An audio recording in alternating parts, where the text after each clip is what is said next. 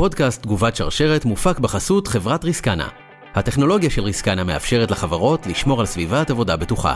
מאתרת, מתריעה ומסייעת בניהול סיכוני סייבר אצל חברות בנות, שותפים, לקוחות ובשרשרת האספקה של הארגון.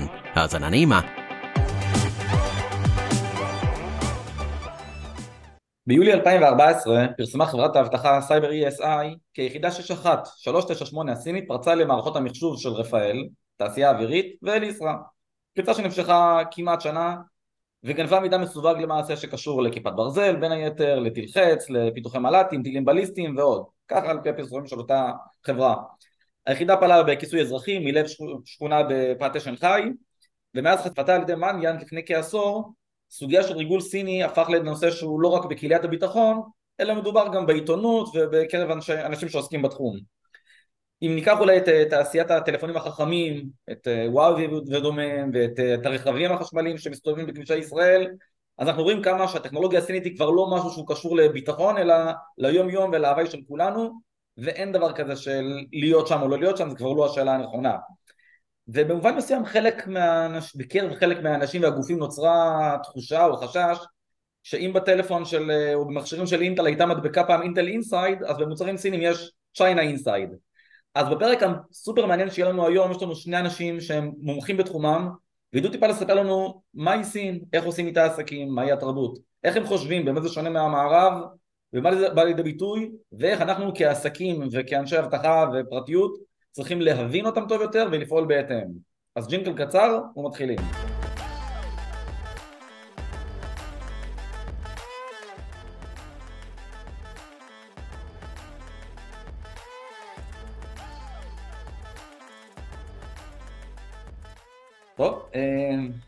דוקטור יעקב ופרופסור גדי, תודה רבה שאתם איתנו. תודה רבה לכם. תודה רבה, נעים מאוד. רוב הפרקים אנחנו מתחילים בהצגה עצמית, אבל אני רוצה רגע ברשותך פרופסור אה, גדי להתחיל בהצגה שלי אותך או סוג של התנצלות. אז כשאני הייתי סטודנט שלך לפני מספר שנים אה, בתואר השני, אז אני רוצה לשתף רגע את המאזינים, את המאזינות בחוויה שהייתה לי. זה, הייתה, זה היה הקורס היחיד שלמעשה המרצה הגיע בלי מצגות. ואנחנו חשבנו לעצמנו, מה זה, מה הוא חוסך עלינו, מה הוא לא משקיע? ואמרת תקשיבו אני מגיע ופותח את העיתון ומדבר איתכם מהיום יום ומה שחשוב באמת בחיים האמיתיים. ובמהלך שיעור או שניים או שלושה לקח לנו ככה זמן עד שהסימון נופל ואתה מבין שבסדר מצגת היא דבר טוב אבל היא לא הדבר שבאמת חשוב והצלחת להוציא אותנו מהקופסה מהצורת חשיבה הקלאסית הרגילה של מרצה עומד ומרצה מה כן מרצה עומד ומלמד מול כיתה ולהגיד תקשיבו אתם רוצים באמת להבין את הצד השני להבין איך דברים עובדים אז תצאו רגע מהמשבצות והמסגרות שאתם רגילים לחשוב בהן, כי צריכים לעשות דברים בטח ובטח היום אחרת. אז זה רגע ככה קריוז לסיפור אישי שהיה לי, בתקופת היותי סטודנט אצלך, אבל עכשיו נעבור רגע להצגה שלכם, בטח בקונטקסט של אה, סין, ישראל, אז אה, ברשות גדי בבקשה.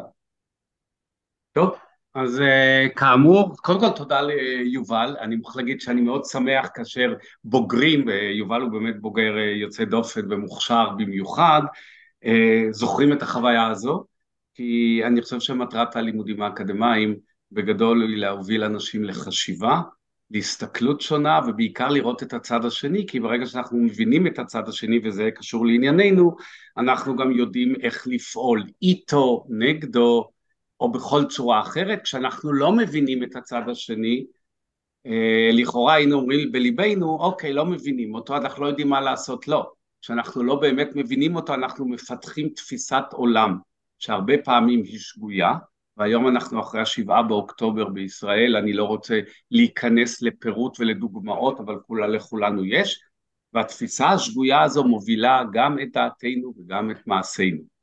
אז uh, עוד שתי מילים עליי, יובל הכיר אותי כדיקן בית ספר למינהל עסקים ודיקן בית ספר לבנקאות ושוק ההון באקדמית נתניה.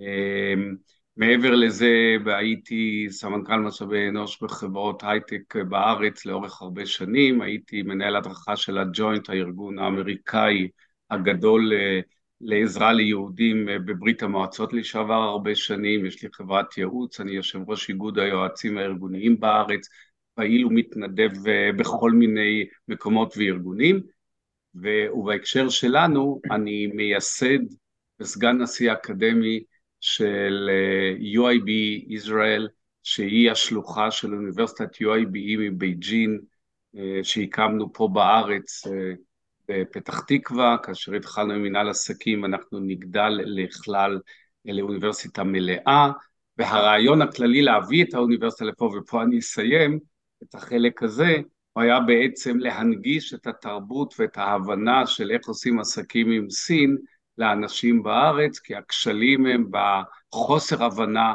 של גם התרבות, גם תפיסת העולם, גם הנקודה והראייה שלהם את מה זה עולם העסקים, מה זה לעשות עסקים בעולם. מדהים, אה, תודה רבה, פרופסור גדי. אה, אז אני, אציג את עצמי, אה, שמי אה, ג'ייקוב מנדל, ואני עד לאחרונה, לפני שעברתי ואני חי כרגע בלונדון, uh, הייתי ראש לימודי הסייבר בפקולטה לניהול באוניברסיטת תל אביב. אני יזם סייבר, זה מה שעשיתי אחרי שהשתחררתי מהצבא. והיו לי סטארט-אפים, עשיתי כבר שתי אקזיטים בחיים. אני הייתי מנכ"ל כל הסייבר של אינטל בעולם. ואני מתעסק גם בייעוץ וגם בהובלה של פעילויות אה, במגוון טכנולוגיות מתקדמות אה, אה, ברמה של מדינות והחברות הכי הכי מובילות בעולם. בשנים האחרונות מוביל בעולם הפיננסי את החיבור בין עולם הבלוקצ'יין קריפטו לעולם הסייבר, ובמשולש שבעצם מחבר את הדברים עם בינה מלאכותית. הרבה מאוד אה, אנשים וארגונים היום, זה סיפרתי מקודם אה, לפרופסור גדי, היום אנשים, כל כאלה קורות חיים, כולם יש להם ב-CV בינה מלאכותית. תכלס, אין להם מושג על מה הם מדברים. העיקר הם צריך להכניס את זה כי זה היום טרנד. אם יורשה לי, תבדוק רק שיש להם בינה בכלל, ואז אה, נמשיך הלאה עם היתר.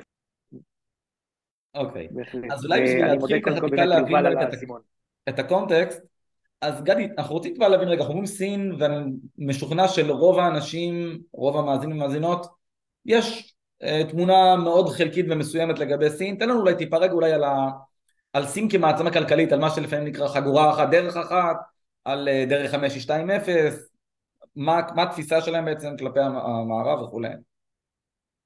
טוב, אז אני אנסה מאוד בקצרה, כי כמובן גם סין גדולה, גם היריעה רחבה, וגם לסין יש המון המון היבטים ופנים, אני אנסה לזקק את זה לאיזשהו כיוון שבסך הכל מוביל את הכל ואחר כך כמובן יש הרבה מאוד סטיות, חלק נספיק לדבר, חלק לא.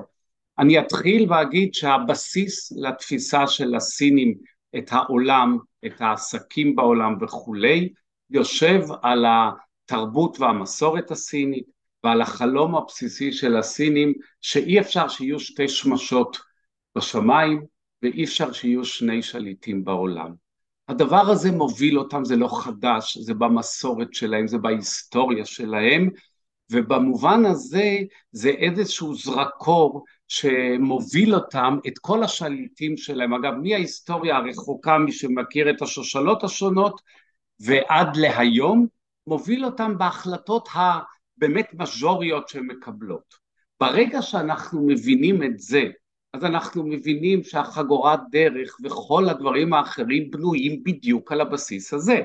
בסופו של דבר אנחנו עם גדול עם מסורת ארוכה שאמורים להיות מעצמת על שמובילה את העולם, לא מעצמה ליד מעצמה נוספת, אלא מעצמת על שמובילה את העולם, הן במובן הערכי של העולם, ועד כמה, אני יודע הרבה שמועות על הסינים, עד כמה שזה נראה מוזר, הסינים בנויים הרבה מאוד על ערכים. לא שאנחנו מכירים אותם כולם, לא שאנחנו יודעים את זה ואפילו אולי אנחנו לא מסכימים להם, אבל יש להם איזשהו מודל של ערכים שמוביל אותם, ומשם הם גם אומרים, הדרך היא לעשות עסקים. עכשיו תשאלו למה הם רוצים שליטה כלכלית בעולם, מעבר לעובדה שאנחנו מבינים שכל אחד רוצה שליטה כלכלית בעולם, אצלם זה גם תפיסה עמוקה יותר. הם הם מאמינים לאורך שנים ארוכות, אחרי שהם ניסו גם דרך אחרת, שכדי להשתלט כדאי להשתלט בדרכי שלום. הם לא רוצים להשתלט בדרכי זה, הם באופן עקרוני ניטרלים, אין להם שום ברית, עד כמה שאני יודע, צבאית עם אף אחד בעולם. הם הולכים בשלום. עכשיו, אם נקפוץ רגע לימים של האלה, אתה שואל למה הם נגדנו, והם לא ממש נגדנו, הם פשוט לא. הם עושים משהו כללי, בעד שהכל יהיה ביחד ושכולם, וזה לא יעשה את זה וזה לא יעשה את זה, ואנחנו כבר מחפשים ואומרים, אבל בואו תחשבו מי התחיל בסיפור הזה, ואם התחילו ככה, מה אתם רוצים שאנחנו עושים את זה שם בעזה, ומבחינתם השאלה היא לא מי התחיל, השאלה היא מה אנחנו רואים מול העיניים ואיך אנחנו צריכים להתנהל, ומול העיניים אנחנו רואים עכשיו שני צדדים עם נזקים דואליים, וזה התפיסת עולם שלהם, הם לא בהכרח דווקא נגדנו. עם זאת, יש להם עוד דבר במסורת, והמסורת שלהם היא בנויה על הרעיון שהחלש לא יצליח וייכחד, ולכן הם צריכים להיות חזקים.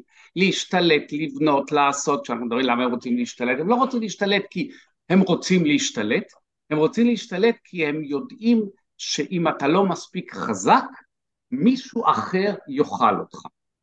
הם חוו את זה, היה להם מאה שנות השפלה, בואו לא נשכח גם את זה, עד, אה, תלוי מי סופר ואיך מסתכלים, 49 נניח, 1949, אבל לאור זה בוודאי, ולכן אם אתם שואלים על ההסתכלות שלהם עלינו, אז אנחנו לאורך השנים מדינת ישראל, ומזה יש השלכה כלכלית, נתפסה כמדינה חזקה, כמדינה שיש בה הייטק מוביל, וכולי, ומהמקום הזה הם רצו לשאוב מידע, ידע, נתונים מאוד העריכו והריצו איתנו, אני מדבר בלשון עבר כי כרגע אנחנו קצת בתקופת ביניים לאור מה שקרה, זה נתן מכה בעיקר לאמונה שאנחנו בלתי מנוצחים, ומכה של בלתי מנוצחים יש לה השלכות רגשיות ואחרות עליהם שמובילות כמובן לכלכלה, לדרך עבודה וכולי. ולמה אני אומר את זה? ואז אני אעצור, ואם צריך אני אדבר אחר כך, כדי שיהיה, לתת מספיק מקום. כשעושים איתם עסקים, לוקח הרבה זמן, וג'ייקוב בוודאי יודע, לוקח הרבה זמן עד שאתה חותם על ההסכם, מה שנקרא. אתה הולך למסעדה פעם ולעוד מסעדה, ואחר כך אתה צריך לשתות איתם את המשקה שלהם, שאני אישית יכול למות ממנו, הוא חריף ברמות ש... שלי קשות, ועוד פעם, ואז הם אה, מזמינים אותך ואומרים לך, וזה לוקח המון זמן. בעוד אנחנו בנויים על זה שאני יושב עם ג'ייקוב, ואני אומר יופי אתה בסייבר אני פה בזה יש לי אה, איזה סטארט-אפ בבלוקצ'יין בוא ננסה רגע לראות אני מסביר לך עשר דקות אתה לא הבנת עד הסוף אני הסברתי לך את מה שרציתי אני, אתה מסתכל עליי אתה אומר נראה לי יחסית בסדר בוא קודם כל נחתום על חוזה נרוץ משם זה לא עובד בצורה כזו, וברגע שזה לא עובד בצורה כזאת, אנחנו מרגישים שאי אפשר לעשות איתם עסקים. בסוגריים, מי שזוכר, אנשים ותיקים זוכרים היסטוריה, עם היפנים זה היה אותו דבר, כשהתחילו לעשות עסקים היפנים טרום השתלטותם על העולם, האמריקאים הסבירו איתם לא ילך כלום, באים ליפן, מושיבים אותך עם גיישה שבועיים בבית מלון, אומרים לך שמקבלים החלטות בצוות, בקבוצה, בזה, האמריקאים כבר מזמן היו סביב עסקים נכשלים בהם, חוזרים בהם, אבל המודל שאחר כך למדנו אצל היפנים אמר את הדבר הבא, קבלת החלטות אה, דמוקרטית, ביצוע אוטוקרטי. במדינת ישראל קבלת ההחלטות היא אוטוקרטית, והביצוע דמוקרטי לגמרי. יוצאים מישיבת הנהלה, אומרים ג'ייקוב המנכ"ל רוצה את זה, הוא רוצה את זה שיעשה, אני לא מתנגד לו בכלל, יש דרך אחרת לגמרי. אז באמת יש פה הבדלי תרבות, וזה שאני תופס את האחר שונה ממני לא אומר שאין לו ערכים או מסורת או שיטה, אלא שהיא כנראה שונה מזו שאני רגיל או פועל על פיה. ומזכיר לי שכשראש הממשלה חזר מביקור בסין, כמדומה לפני עשר שנים, אז הוא ציין ששלושה דברים מעניינים את הסינים אצלנו בארץ. טכנולוגיה, טכנולוגיה וטכנולוגיה. אז, אז באמת כאילו העסקים צמחו, 30 שנה כבר מעל שש, פי 600 היקף הסחר עם אה, ישראל סין וכשמדברים רגע על תרבות אז יעקב אני מעניין לשמוע את התפיסה שלך בנושא הזה אנחנו מדברים על אמנות בינלאומיות ולא מקומיות וגם אם יש ערכים שונים או תרבות שונה בין מדינות הרי שהאו"ם הוציא לפני כחצי שנה מסמך, יוזמה, אמנה, נקראת מסמך האפס או טיוטת האפס, שמדברת על אה, מה מקובל ומה לא מקובל בסייבר בין מדינות, פשעי מחשב, ציטוט, האזנה. האם לתפיסתך זה דבר שיכול להחזיק מים? האם אנחנו יכולים לגשר על פערי תרבות ולהגיע למצב שבו באמת הנייר הזה הוא עובד ואפקטיבי בהיבט של אה, לייצר אמנות בין מדינות גם מתרבויות כל כך שונות? אני חושב שזו שאלה מצוינת, וננסה לפרוט אותה בצורה הפרקטית. כי כאשר יש אמנות כאלה, הארגונים רוצים לעבוד, רוצים להרוויח כסף, רוצים לשרוד, רוצים להתקיים, רוצים להתפתח. כל ארגון שרוצה לעשות עסקים עם כל מדינה בעולם, וסין בפרט, צריך קודם כל, באמת, כמו שפרופסור גדי אומר, להבין מה הצד השני. זה ברמה שאתה יודע, כמו שאנחנו גדלנו, ואני מתאר את זה בעגה הכי הכי פשוטה, אם אתה רוצה להצליח, אתה צריך להבין אותו טוב. מה יגרום לא להצליח? אם הוא יצליח, אתה תצליח. אם אתה לא מבין מה יגרום לא להצליח, אין סיכוי. זה אומר שאתם בכלל לא מדברים באותם uh, דברים. ולשם כך צריך להסתכל על כמה אלמנטים. הסייבר זה רק מימד אחד, והתפיסת הפעלה היום בעולם הסייבר היא ראשית, zero trust. לא לסמוך על אף אחד, ולא משנה מאיפה זה בא. לא משנה אם זה מגיע מיפן או מסין או אה, מכל מדינה אחרת, ההפך. אתה צריך לבנות את עצמך בצורה שה-BCP שלך יהיה כזה שאתה יודע להתאושש ואינך תלוי בגורם שממנו סיפקת את המוצר. זאת אומרת, השרשרת אספקה שלך צריכה להיות עם רדנדנסי כזה, שאף אחד לא מחזיק אותך בצורה שמונע ממך לעשות את העסקים. זה טוב בניהול המשא ומתן, זה מצוין במקרה שקורה קונפליקט, רוסיה-אוקראינה, מה שקורה כרגע בין ישראל לחמאס, בכלל בכל האזור שלנו, ובכלל מה שעלול להתפתח בעתיד גם. כאשר אתה מחבר את כל הדברים האלה ביחד, אתה צריך לראות גם מה האיומים שעומדים בפניי בדרך. ולדוגמה, הזכרת פה כמה דברים מאוד מאוד מעניינים. דיברת על נושאים של רכבים אוטונומיים, על הציוד שמותקן היום כמעט בכל הרכבים, ה-infotainment system, כל אותן מערכות מולטימדיה למיניהם ו-GPS, שאוספות את כל הטלמטריה הזאת וכל ה-IoT devices, שכולם מקושרים וכולם רוצים לחבר אותם, ועכשיו עוד מפעילים עליהם עוד בינה מלאכותית שאף אחד לא מבין מה עומד מאחורי זה, ומוציאים מזה את כל התובנות והדאטה, ואיפה בכלל הדאטה הזה מאוחסן? חבר את כל הדברים האלה גם יחד, ותגיד, רגע, רגע, רק שנייה אחת. איפה נכנס פה האיום של המחשוב הקוונטי? שזה בכלל יטרוף לנו את כל הקלפים בשנים הקרובות. ואז אתה בעצם מבין שאם אתה לא נערך נכון, ב- לא לשמירת הפרטיות, אלא על המידע שלך ואיך אתה בונה את הדברים ולאתר את הדברים הנכונים, אז אתה מביא את החברה שלך לא רק לחוסר יכולת לבצע עסקים ולסגור עסקאות בצורה מאוד מאוד מוצלחת עם כל מדינה, בייחוד גם עם, עם הסינים, אלא אתה נידון לכישלון. ברגע שיהיה משבר, ראה מקרה קורונה, מקרה אוקראינה, רוסיה, ומה שקורה כרגע בישראל, המהנדס שמתכנן את המעגל המודפס, התכנת שכותב את התוכנה ומאיפה הוא מוריד את הסורסים, כל מה שהוא open source, סכנת נפשות. כל הדברים האלה חייבים להגיע מרמת המפתח, מרמת המהנדס, עד המנכ"ל. אוקיי, אז אני רוצה רגע לשאול אותך, גדי, אנחנו מדברים על הבדלי תרבויות ועל מצד אחד לסמוך או לא לסמוך, מצד שני אנחנו קוראים על נושא של תפיסה תרבותית אה, שבא בעצם אה, לנטר את האזרחים, זה legit, ולאזרח יש ציון, יש לו איזשהו score, וזה משפיע על המשכנתה שלו ועל הבתי ספר שהוא יתקבל אליהם ועל הכל למעשה הדירוג הזה. והידיעה שאתה בעצם הולך ברחוב והממשל מסתכל עליך ויודע מי אתה ומה אתה ומה אתה עושה ואם אתה צועק באוטובוס איך תופסים את זה בעצם הסינים מבחינת התרבות הטכנולוגית והחיבור ביניהם? תראה, קודם כל אני רוצה לטעון ואני מבין הרבה פחות מג'ייקוב בנושא של סייבר וכולי שגם בלי ממשלה כמו ממשלת סין יודעים עלינו את הכל אה, וגם היום בארץ כשאתה כבר רוצה להוציא עכשיו אה, אה, את תעודת זהות או דרכון הפרטים שלך הולכים להישמר forever זה צו שעה, צו כזה, whatever, אבל זה הולך לקרות. בסופו של דבר כולם יודעים עלינו את כולם. אז זה רגע נרגיע פה את הסיפור. לגבי הנושא של הסינים, כן, המודל הוא שם שיודעים עליך ו- ושמים עין עליך, לטוב ולרע דרך אגב. אמ, למשל, אה, כולנו זוכרים שלפני שנה, שנה וחצי, שי, נשיא סין, יצא חורמה כנגד החברות המאוד גדולות שלא השתלטו על, ה, על כל המידע והידע של אנשים וניסה להצר את צעדיהם לאור ה, מה שקורה באמריקה עם מרק צוקרברג שבעצם הוא בעצם הוא שולט על אמריקה, יש שם איזה נשיא שנבחר, אבל יש מישהו ששולט על אמריקה דרך המידע והידע, והוא לא נבחר על ידי אף אחד מהאמריקאים. אז הסינים מנסים את הדבר הזה למנוע, שאם נסכים על זה, זה לא כל כך נורא שהם עושים את זה. יש לכל דבר השלכות נוספות, ברור, בזה שמרק צוקרברג יכול לשלוט, אז יש גם חופש יותר גדול בדברים אחרים, אז כל דבר משליך.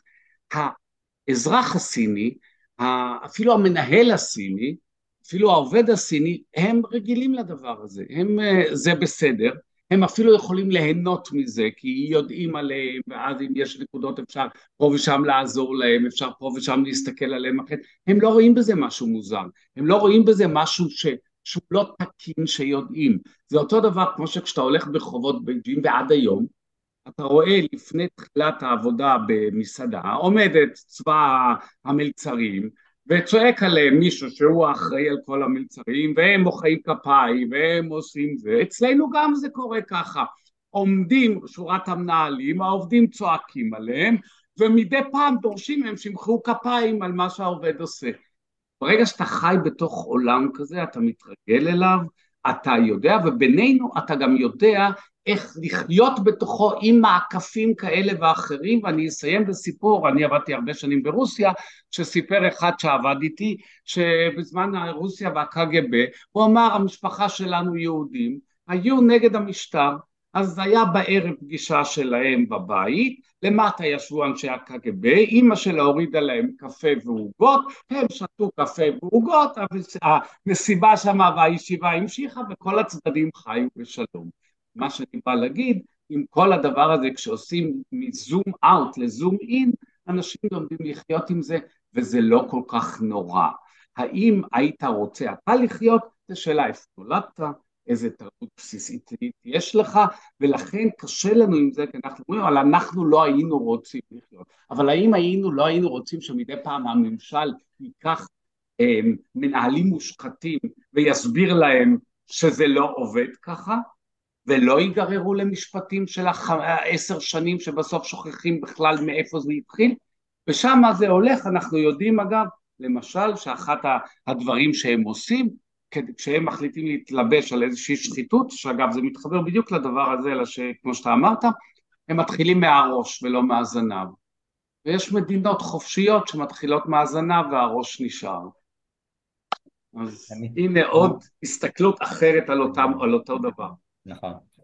אה, יעקב, לפני בערך שלוש שנים מצד אחד מדברים על אמנות ועל אה, זה שלכאורה מתכווננים למצב של הסדרה והבנה, גם אם אנחנו חושבים אחרת לפעמים בין אה, קבוצות שונות, ומצד שני לפני שלוש שנים ראינו מקרה ראשון כנראה שאני מכיר שבו החליט האיחוד האירופי להטיל צעדים מגבילים על תשעה אנשים וגופים שמוצאם בסין, גם קוריאה הצופנית ורוסיה, בגין אחריות שלהם למתקפת סייבר או מעורבות כזו או אחרת. עכשיו הסנקציות האלה כללו הגבלות תנועה, הקפאת נכסים, איסור העברת כספים לאותם אנשים וגופים וכשזה קרה אז בהתייחסות לדוגמה של משרד החוץ הרוסי נאמר כי מדובר בצעד חד צדדי שאינו תואם את המשפט הבינלאומי וכי בדיפלומטיה הכל הדדי, כן? או כמו שאתם נוהגים לייחס ל-FBI אה, את הציטוט In God we trust, all the rest we monitor אז אתם מספרים רגע על ריגול, אבל רגע, מה קורה בצד השני? וכמובן שהסינים גם כן הציגו לא פעם ולא פעמיים, כולל השנה, מקרים שלכאורה האמריקאים אה, פרצו לגופים בתוך הברית. אז איך אתה רואה את המלחמה הגיאופוליטית הזו בעצם בין שתי המעצמות סייבר, הברית וסין, ואיפה זה פוגש אותנו, את, ה... את הארגונים שבאמצע? אה, אני חושב שבנקודה הזאת אה, זה חלק מה... המרחב החדש של המלחמה בין המעצמות. אה, זה קורה לא רק בין ארה"ב לסין ובין אירופה לסין, זה גם רוסיה מעורבת בזה מאוד, וגם הם מתחת, כל הפעילות הזאת הסייברית קורית ברובה, ברובה מתחת לרדאר. מה שיוצא החוצה זה כמו קרחון, זה משהו קטן ש, שהצליח איכשהו לדלוף בגלל שאיזה מידע יצא מפה, או מישהו דיבר, וזה הגיע לאיזה בית משפט, והיו צריכים לעצור מישהו, והמידע... אבל רוב הדברים קורים מתחת לרדאר. ו- וזה לא ייפסק, ההפך. הדבר הזה רק ילך ויתעצם. כי זו הדרך היום, לא שולחים טילים. לפני שמגיעים לרמה של טילים, אה, אוספים ועושים את כל הדברים, מה שאפשר, אה, בעולם של הסייבר. ועובדה, אתה טענת בתחילת דבריך באמת על פריצה של מערכות מתקדמות צבאיות. היום פורצים מדינות לאוניברסיטאות לחוקרים מובילים. ראה גם בישראל, חוקרים מובילים בדברים הכי מעניינים מדינה מסוימת, לא צריכים לחפש יותר מדי. פורצים לאוניברסיטה, ניגשים לאותו מרצה, אוספים את המחקרים שלו מתוך הדברים הפנימיים, הדברים, לא מה שהוא פרסם במאמרים, אלא מה שהוא באמת, יש לו במחקרים שלו בפנים, והם אוספים את המידע. צריך להגיע לתוכניות של ה-F-35, אז פורצים ללא קדמאותים, מה קרה? לא, זה, כאילו זה, זה נראה היום משהו שהוא דבר שהמדינות, אם הן רוצות להגיע לטכנולוגיה, הן יודעות איך להגיע אליו, והן יגיעו אליו ויקחו אותו. עכשיו, מה שצריך לעשות ברמה העקרונית? זה שיש את האמנות, יהיו תמיד אמנות. האמנות האלה הן אה, לצורך הניהול העולמי שרוצים לשים איזושהי רגולציה. מתחת לפני השטח אין סיכוי שהנושא הזה של אה, מלחמת סייבר תיפסק, זה לא יקרה. אה, נהפוך הוא, אני, אני מדגיש את זה. אתה צריך תמיד להיות ערוך ומוכן שהעובדים שלך היום, מן הסתם, מה שנקרא The Inside Threat, הוא אחד כזה שפועל בתוך הארגון שלך ועלול להיות זה שידליף את המידע. אה, ואחד הדברים שאנחנו מרצים עליו הרבה מאוד בעולם, ואני יושב עם הרבה הנהלות, מסביר להם, זה שקלטתם את העובד, איזה סקרינים עשיתם לו? מה בדקתם לגבי הרקע שלו? אתם יודעים בדיוק מי נמצא פה בתהליך אצלכם? אני זוכר אפילו בארץ, שעבדנו על פרויקטים מסווגים, היינו מעבירים בזמנו אנשים פוליגרף. אחת לחצי שנה היינו מעבירים אותם פוליגרף. היינו בודקים את הרקורד, היום אי אפשר לעשות את הדברים האלה. זה כבר לא חוקי.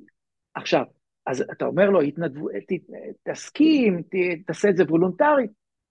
אתה צריך היום להיזהר בראש ובראשונה מה insider threat. ואתה אף פעם לא יודע. מי העובד, איך אתה שם אותו, ולכן הנקודה של לבנות את המערכת הזאת בפנים זה דבר מאוד uh, מרכזי.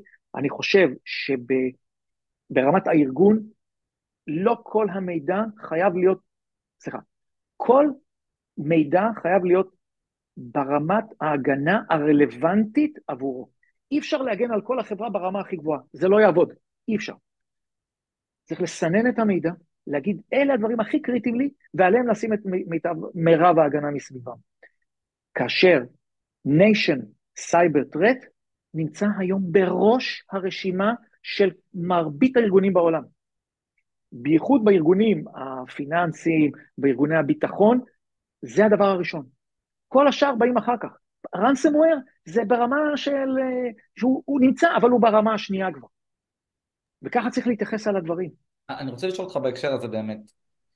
ארגון סמי פרסם שנה שעברה שמרכז את תעשיית הסמי קונדקטור איזשהו תקן לאבטחה למפעלים, E187 אם אני זוכר, שבאמת מפרט על ההגנה לקצה ופרוטוקולים והפאב והכל ולא בכדי הם עשו את זה, את הפרסום שלו בטיוואן, אפרופו המתיחות עם סין ובראש הטאסק פורס אה, עמדה TCMC שהיא הקבלן אה, הגדול בעולם נכון. בתחום שלה ולא בכדי, הם אה, TCMC חטפו אירוע, אירוע לא קטן שפגע להם לא מעט בהכנסות והם לא היחידים, גם אקספה בבלגים חטפו בלא מעט מפעלים מסביב לעולם. אתה רואה בכלל דרך לפתור את זה, זה משהו פתיר, כלומר האם תקן בכלל יכול לעזור, אני חושב, אתה יודע, מאזין לנו, מאזינה מישהו, הוא אומר אני בחברת ביטוח, בעירייה, בבית חולים, זה בכלל רלוונטי כל מה שאני יכול לעשות בכוחי כארגון? התשובה היא בהחלט כן. אני אתן פה, אה, אני לפני 12 שנים, התחלתי לדבר בפעם הראשונה על hardware malware. ואנשים אמרו לי, ג'קוב, מה אתה מבין, מה, מה, מה, מה, מה, hardware malware? אני אמרתי, מי בפעם האחרונה הסתכל איך נראה רכיב ב motherboard? motherboard, אתם יודעים, זה אותו מעגל מודפס במחשב, שיש עליו את כל אותם רכיבים קטנים, מה שאנחנו קוראים בעגה המקצועית chips, או ג'וקים בעברית קוראים להם, אותם רכיבים אלקטרונים שבעצם אחראים על, הב... על ה execution של המחשוב אה, אה, בסופו של דבר. מישהו פעם מסתכל איך מורכב כזה צ'יפ? מה יש בפנים? מישהו יודע לאמת אותו? בואו אני אגלה לכם סוד קטן, לאלה שלא יודעים. את הצ'יפים האלה בודקים מבחינת הפונקציונליות, יש להם ספק. בודקים שהם עושים מה שהם צריכים לעשות והם עומדים בספציפיקציה. האם מישהו בודק באיזושהי סיטואציה שבהינתן איזשהו סטרים של ביטים, פתאום הצ'יפ הזה עושה משהו אחר? האפשרות לבדוק את הדבר הזה קלושה ביותר, כמעט ואי אפשר.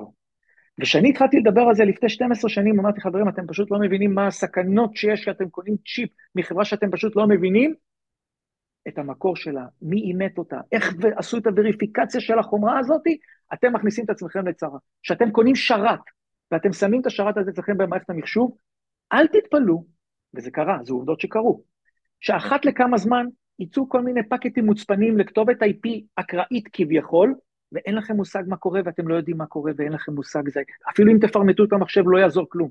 את המאדרבורד אתם לא יכולים לפרמט. ולכן הנושא של מה אני יכול לעשות, כן, שרשרת האספקה של הציוד היא קריטית. תעבוד עם גוף, למשל אמריקאי, ותנסה לספק לו סחורה בלי שאתה נותן לו אישור מלא ומדויק מאיפה הגיע כל קומפוננטה באלמנטים שאתה מספק לו, לא תוכל. תתקין לבנק מצלמות שלא הגיעו ממקורות שהוא אישר אותם, אני אגיד לך קח תוציא את זה החוצה מכאן. אה, כנ"ל גם רחפנים, אנחנו מדברים היום הרבה על רחפנים, רחפנים שמיוצרים בכל מיני מדינות שיש להם שליטה על מה שקורה ברחפן, פתאום הפסיקו לעבוד, מעניין מה קרה. חלק מהדברים האלה זה בדיוק הדברים שאנחנו, גם אם משנים את הפירמוור, לא יעזור כלום. בתוך החומרה יש את המנגנונים שיודעים לנטרל את זה. ותזכרו, בסופו של דבר, החומרה היא זו שמבצעת את הדברים.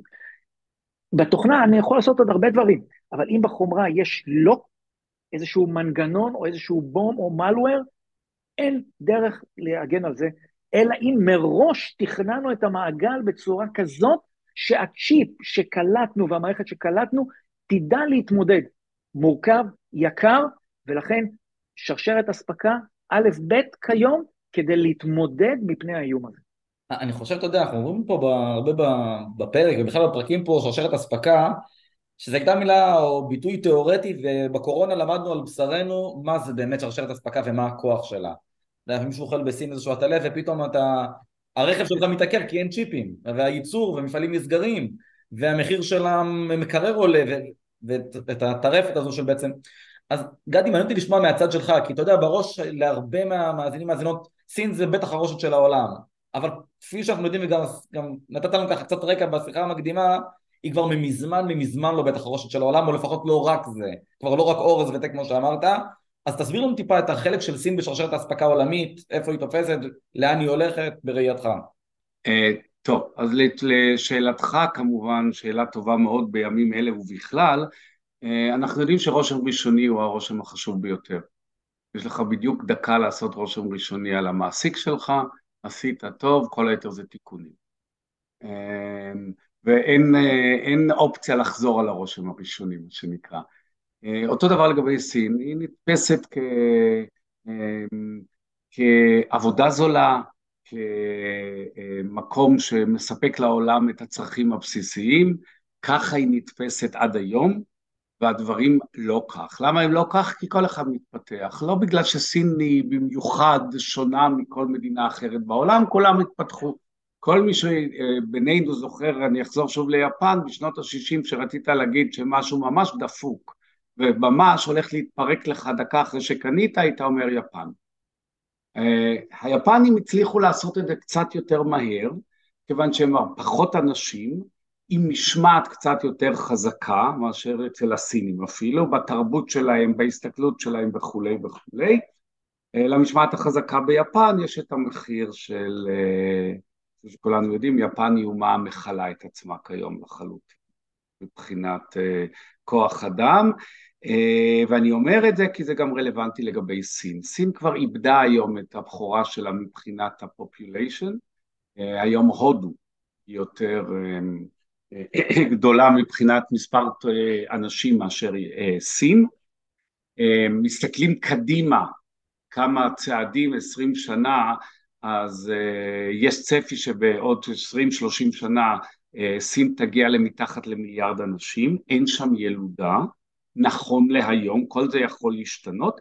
עוד פעם, אין ילודה כיוון שאחד אם אנחנו מסתכלים על כמו שהישראלים אוהבים להסתכל, נורא קשה לקנות דירה בסין היום בעיר, אי אפשר לקנות דירה למרות משבר הדיור וכולי שכולנו ערים והוא אחד המשברים החמורים שיש בסין בשנה האחרונה, אבל עדיין קשה מאוד לקנות דירה, אז אומרים איך אנחנו נעשה יותר מילד אחד, אבל זה הרבה יותר עמוק. הם התרגלו לילד אחד, כמו שאנחנו התרגלנו לשלושה ארבעה וצפונה, ומאוד קשה לשנות את ההרגל. ילדים זה שמחה אומרים, אבל ילדים זה עבודה קשה, וזה דאגה לאורך כל החיים, נכון ג'ייקוב? גם כשהם יותר גדולים, דואגים להם אולי יותר מאשר כשהם על ידך, ואני לא רוצה לדבר על ילדים בעיתות האלה שלנו. אמ, כל זה מתכנס, אני אגיד עוד דבר קודם, המודל הניהול הסיני של המדינה מבוסס על חשיבה, על שבעה אנשים שחושבים, עובדים, שוב לא ברור מי, איך זה בדיוק עובד בפנים, אבל הם עושים דברים מתוך חשיבה. ומכאן, כיוון שהיה להם את הצפי, שכמות הילודה תרד, הרי לספק את הבסיס אתה צריך המון אנשים. ברגע שאתה לא מפעיל טכנולוגיה וקורא עם שני הדברים, קודם כל זה יותר יקר, דבר שני, זה כבר יותר בר תחרות. הדבר הכי פחות תחרותי זה להביא המון עובדים זולים. מי שיכול לספק המון עובדים זולים, אין. ככל שהמדינה מתפתחת, עובדים נעשים יקרים. הסינים ראו כבר לפני עשרים שנה שהם מתפתחים בקצב, שהם התפתחו והם כתבו בקצב של שמונה עד עשרה אחוז בשנה, זה מטורף. זה נעצר בשנתיים האחרונות, אבל אה, והצפי כרגע הוא לא מבריק הכלכלי, אבל זה קרה, הם אמרו אנחנו חייבים לעבור לשלב הבא. אז בשלב הבא אני מוכרח להגיד, הם כמובן, זה לא החולצה בדולר, וזה לא האוכל הזול, וזה לא הייצור הזול, זה דבר הרבה יותר מתוחכם. והם לאט לאט, או מהר מהר, תלוי איך מסתכלים על זה, נכנסים לכל העולמות האלה, והם, כאשר הם נכנסים, תזכרו, יש להם שני כללים. אי אפשר שיהיו יותר משתי, שיהיו שתי שמשות בשמיים, והחלש לא ישרוד. זה הוביל אותם כשהם היו הסם הייצור של העולם, זה מוביל אותם עכשיו. אז נכון שבשיחה מוקדמת דיברנו עם ג'ייקוב על זה שהוא גם אמר שהם מאוד יזמים, שם I tend to disagree, היזמות אצלהם בעייתית, יזמות אגב במאמר מוסגר יושבת על העובדה שהילד בגיל חמש חושב שאבא שלו הוא טמבל ובמסורת שבו הילד בגיל חמש עשרה או עשרים בטוח שהאבא הוא אחלה, זה לא ערש היזמות, אבל הם נעזרים בכאלה סינים שגדלו באמריקה וסינים שנמצאים, ב, היו בהונג קונג וכולי וכולי, שמכניסים גם את הרוח הזו, ואיכות השליטה מונעת מהם שזה ייווצר בברדק ובאי סדר, והם נכנסים לכל הדברים האלה. והיום הם כבר בעולם טכנולוגי אחר לחלוטין, רק עכשיו אנחנו יודעים שרשת האינטרנט שלהם היא המהירה ביותר בעולם בשלב זה, אבל, אה, וברגע אגב, שיהיה מישהו יותר, ייקח להם טיפונת והם יעלו עליו. למה? כי החלש נכחד. תחשבו על הבסיס, אני חוזר ואומר את זה, כי בהבנה כלכלית, בעיניי גם בארגונים אחרים, אבל בהבנה כלכלית צריך לחזור להיסטוריה הסינית, שיושבת חזק, תשאל ילד על ההיסטוריה הסינית הוא ידע, תשאל ילד ישראלי, אני בקורסים שלי לפעמים אה, לא במבוכה, אני אומר אם מישהו לא יודע מי זה בן גוריון שיגיד לי אני אספר לו, אני בתחילת הדרך אמרתי לא יכול להיות שיש כאלה, גיליתי שיש גם כאלה שהם חושבים שזה שדה תעופה. ולכן במובן הזה זה יושב על הדבר הזה ומשם אנחנו יכולים להבין שהכיוון שלהם בשרשרת האספקה יהיה רק קדימה טכנולוגית לגמרי והם בונים להם את החיבורים. הם יושבים חזק מאוד באפריקה אני בלשכת המסחר ישראל אפריקה הם יושבים חזק באפריקה הם יושבים בנקודות מפתח. אגב הם גם יושבים בנמלים שלנו וברכבת הקלה ולא הקלה וכולי וכולי במאמר מוסגר מזל שהם בנו את זה אם אחרים היו בונים את זה לא הייתה רכבת פה עוד מאה שנה קדימה הם קיבלו אגב בבנייה בונוסים ענקיים כי הם גמרו הרבה לפני כולם. כי אומרים להם, זה אגב חלק, זה יתרון, אומרים להם הם עושים והם עובדים. אצלנו אומרים לזה ואז הוועד מכנס את העובדים, אתה מכיר את זה מאיפה שעבדת אה, אה, יובל, להחליט אם הם רוצים לעשות את מה שאמר המנהל או לא. כל זה ביחד יוביל אותנו לזה שהם יובילו בשרשרות האספקה השונות יש להם התמודדות לא פשוטה, לא על החלק הכלכלי עם האמריקאים, היא הרבה מאוד מסובכת עד כדי כך שלפני כמה ימים שי והנשיא האמריקאי נפגשו ובעצם המעניין ביותר בעיניי שהיה שם ששמענו שגם הנשיא הסיני אמר אפשר לעבוד ביחד. קרי, יש שתי שמשות שיכולות להוביל את העולם. כמעט לא שמענו את זה בעבר מאף אחד. אז הסינים אומרים, הוא לא התכוון, הוא לא זה, אבל כשהסיני אומר משהו בחוץ כבר, ששומעים אותו, בניגוד לתרבות אחרת שכולנו מכירים, נהרוג, נשמיד וזה וכולי, ואחר כך זה לא יוצא, אז יש לנו הסברים, שהוא כבר אומר משהו, זה on the record, וזה עם כוונה מאחורה, זה לא נפלט לו בטעות, זה לא יצא בטעות, יש פה איזשהו שינוי בהבנה שאם רוצים להוביל את העולם, אחד לבד כנראה לא יצליח. סופר מעניין. ובאמת האינטרנט כמו שהבאת את זה כדוגמה אחת שהם באמת הגיעו כבר ל-1.2 טרה בשנייה זה, זה לא נתפס, לא נתפס רק סביב לאן שהם הגיעו. אנחנו רוצים רגע לסיים עם אה, עצה אחת, טיפ אחד מכל אחד מכם אה, ותחשבו רגע בראש של המאזינים והמאזינות, כלומר מאזינים קהל היד שלנו הם אנשי אבטחת המידע בארגונים אז בין אם זה הבינו אותם רגע גדי בצד של העסקי, מה זה אומר, עכשיו יש ספק שהציע לנו firewall, תוכנה ארגונית, לא משנה מה, איך לגשת לזה, ויעקב כמובן בהיבט הסקיוריטי, מה אני לוקח אליי לארגון מחר בבוקר לעשות אחרת, תחת ההבנה של מה שקצת למדנו פה היום. פרופסור גדי, תחילתה. כן, אה, אוקיי, אז אני חושב שאם אתה רוצה לעשות עסקים עם הסינים, אתה צריך לבוא מתוך גישה מכבדת ומכבדת את השונות. הם יעשו את זה אחרת, הם עושים את זה אחרת, הם לא בכוונה לסדר אותך או לרמות אותך, הם עושים את זה אחרת. ברגע שאני אסתכל על, ה, על עשיית העסקים בצורה כזו, אני אוכל להכיל את השונות, להבין אותה ולהשתמש בה לטובתי לשם עשיית העסקים. או, מדהים. Uh, אני אתן פרספקטיבה אחרת uh, מהעולם של הסייבר. Uh, מי שרוצה לעשות עסקים, וזה נכון לגבי הסינים ולגבי באמת כל אחת מהמעצמות שהזכרנו כרגע, תחשבו על הלקוחות שלכם. אתם מוכרים בסופו של דבר מוצר סלש שירות. ישאלו אתכם, תצטרכו למלות את זה בטפסים, בתצהירים, ואתם אה, תחשפו את כל המידע כי אין לכם ברירה ואתם חייבים לעשות את זה. האם תחשפו את המקור, מאיפה קניתם את המוצר או מאיפה החלקים שלו הגיעו, יעזור לכם ויקדם אתכם לעסקים שאתם והחברה שלכם מתכננים ואמורים לעשות. אם התשובה לכך היא כן, והמקור הזה הוא מקור שהלקוח שלכם רוצה וזה ייתן לכם יתרון, תתקדמו עם זה. זה הכי חשוב. וואו, מאוד מעניין, עבר לי מאוד מאוד מהר ולמדתי לא מעט, אני מקווה שכך גם המאזינים והמאזינות, אז תודה גדולה לך דוקטור יעקב ולך פרופסור גדי שהייתם איתנו ושיתפתם מהתובנות. תודה, פרופסור גדי, תודה רבה יובל, תודה רבה לכם. תודה רבה.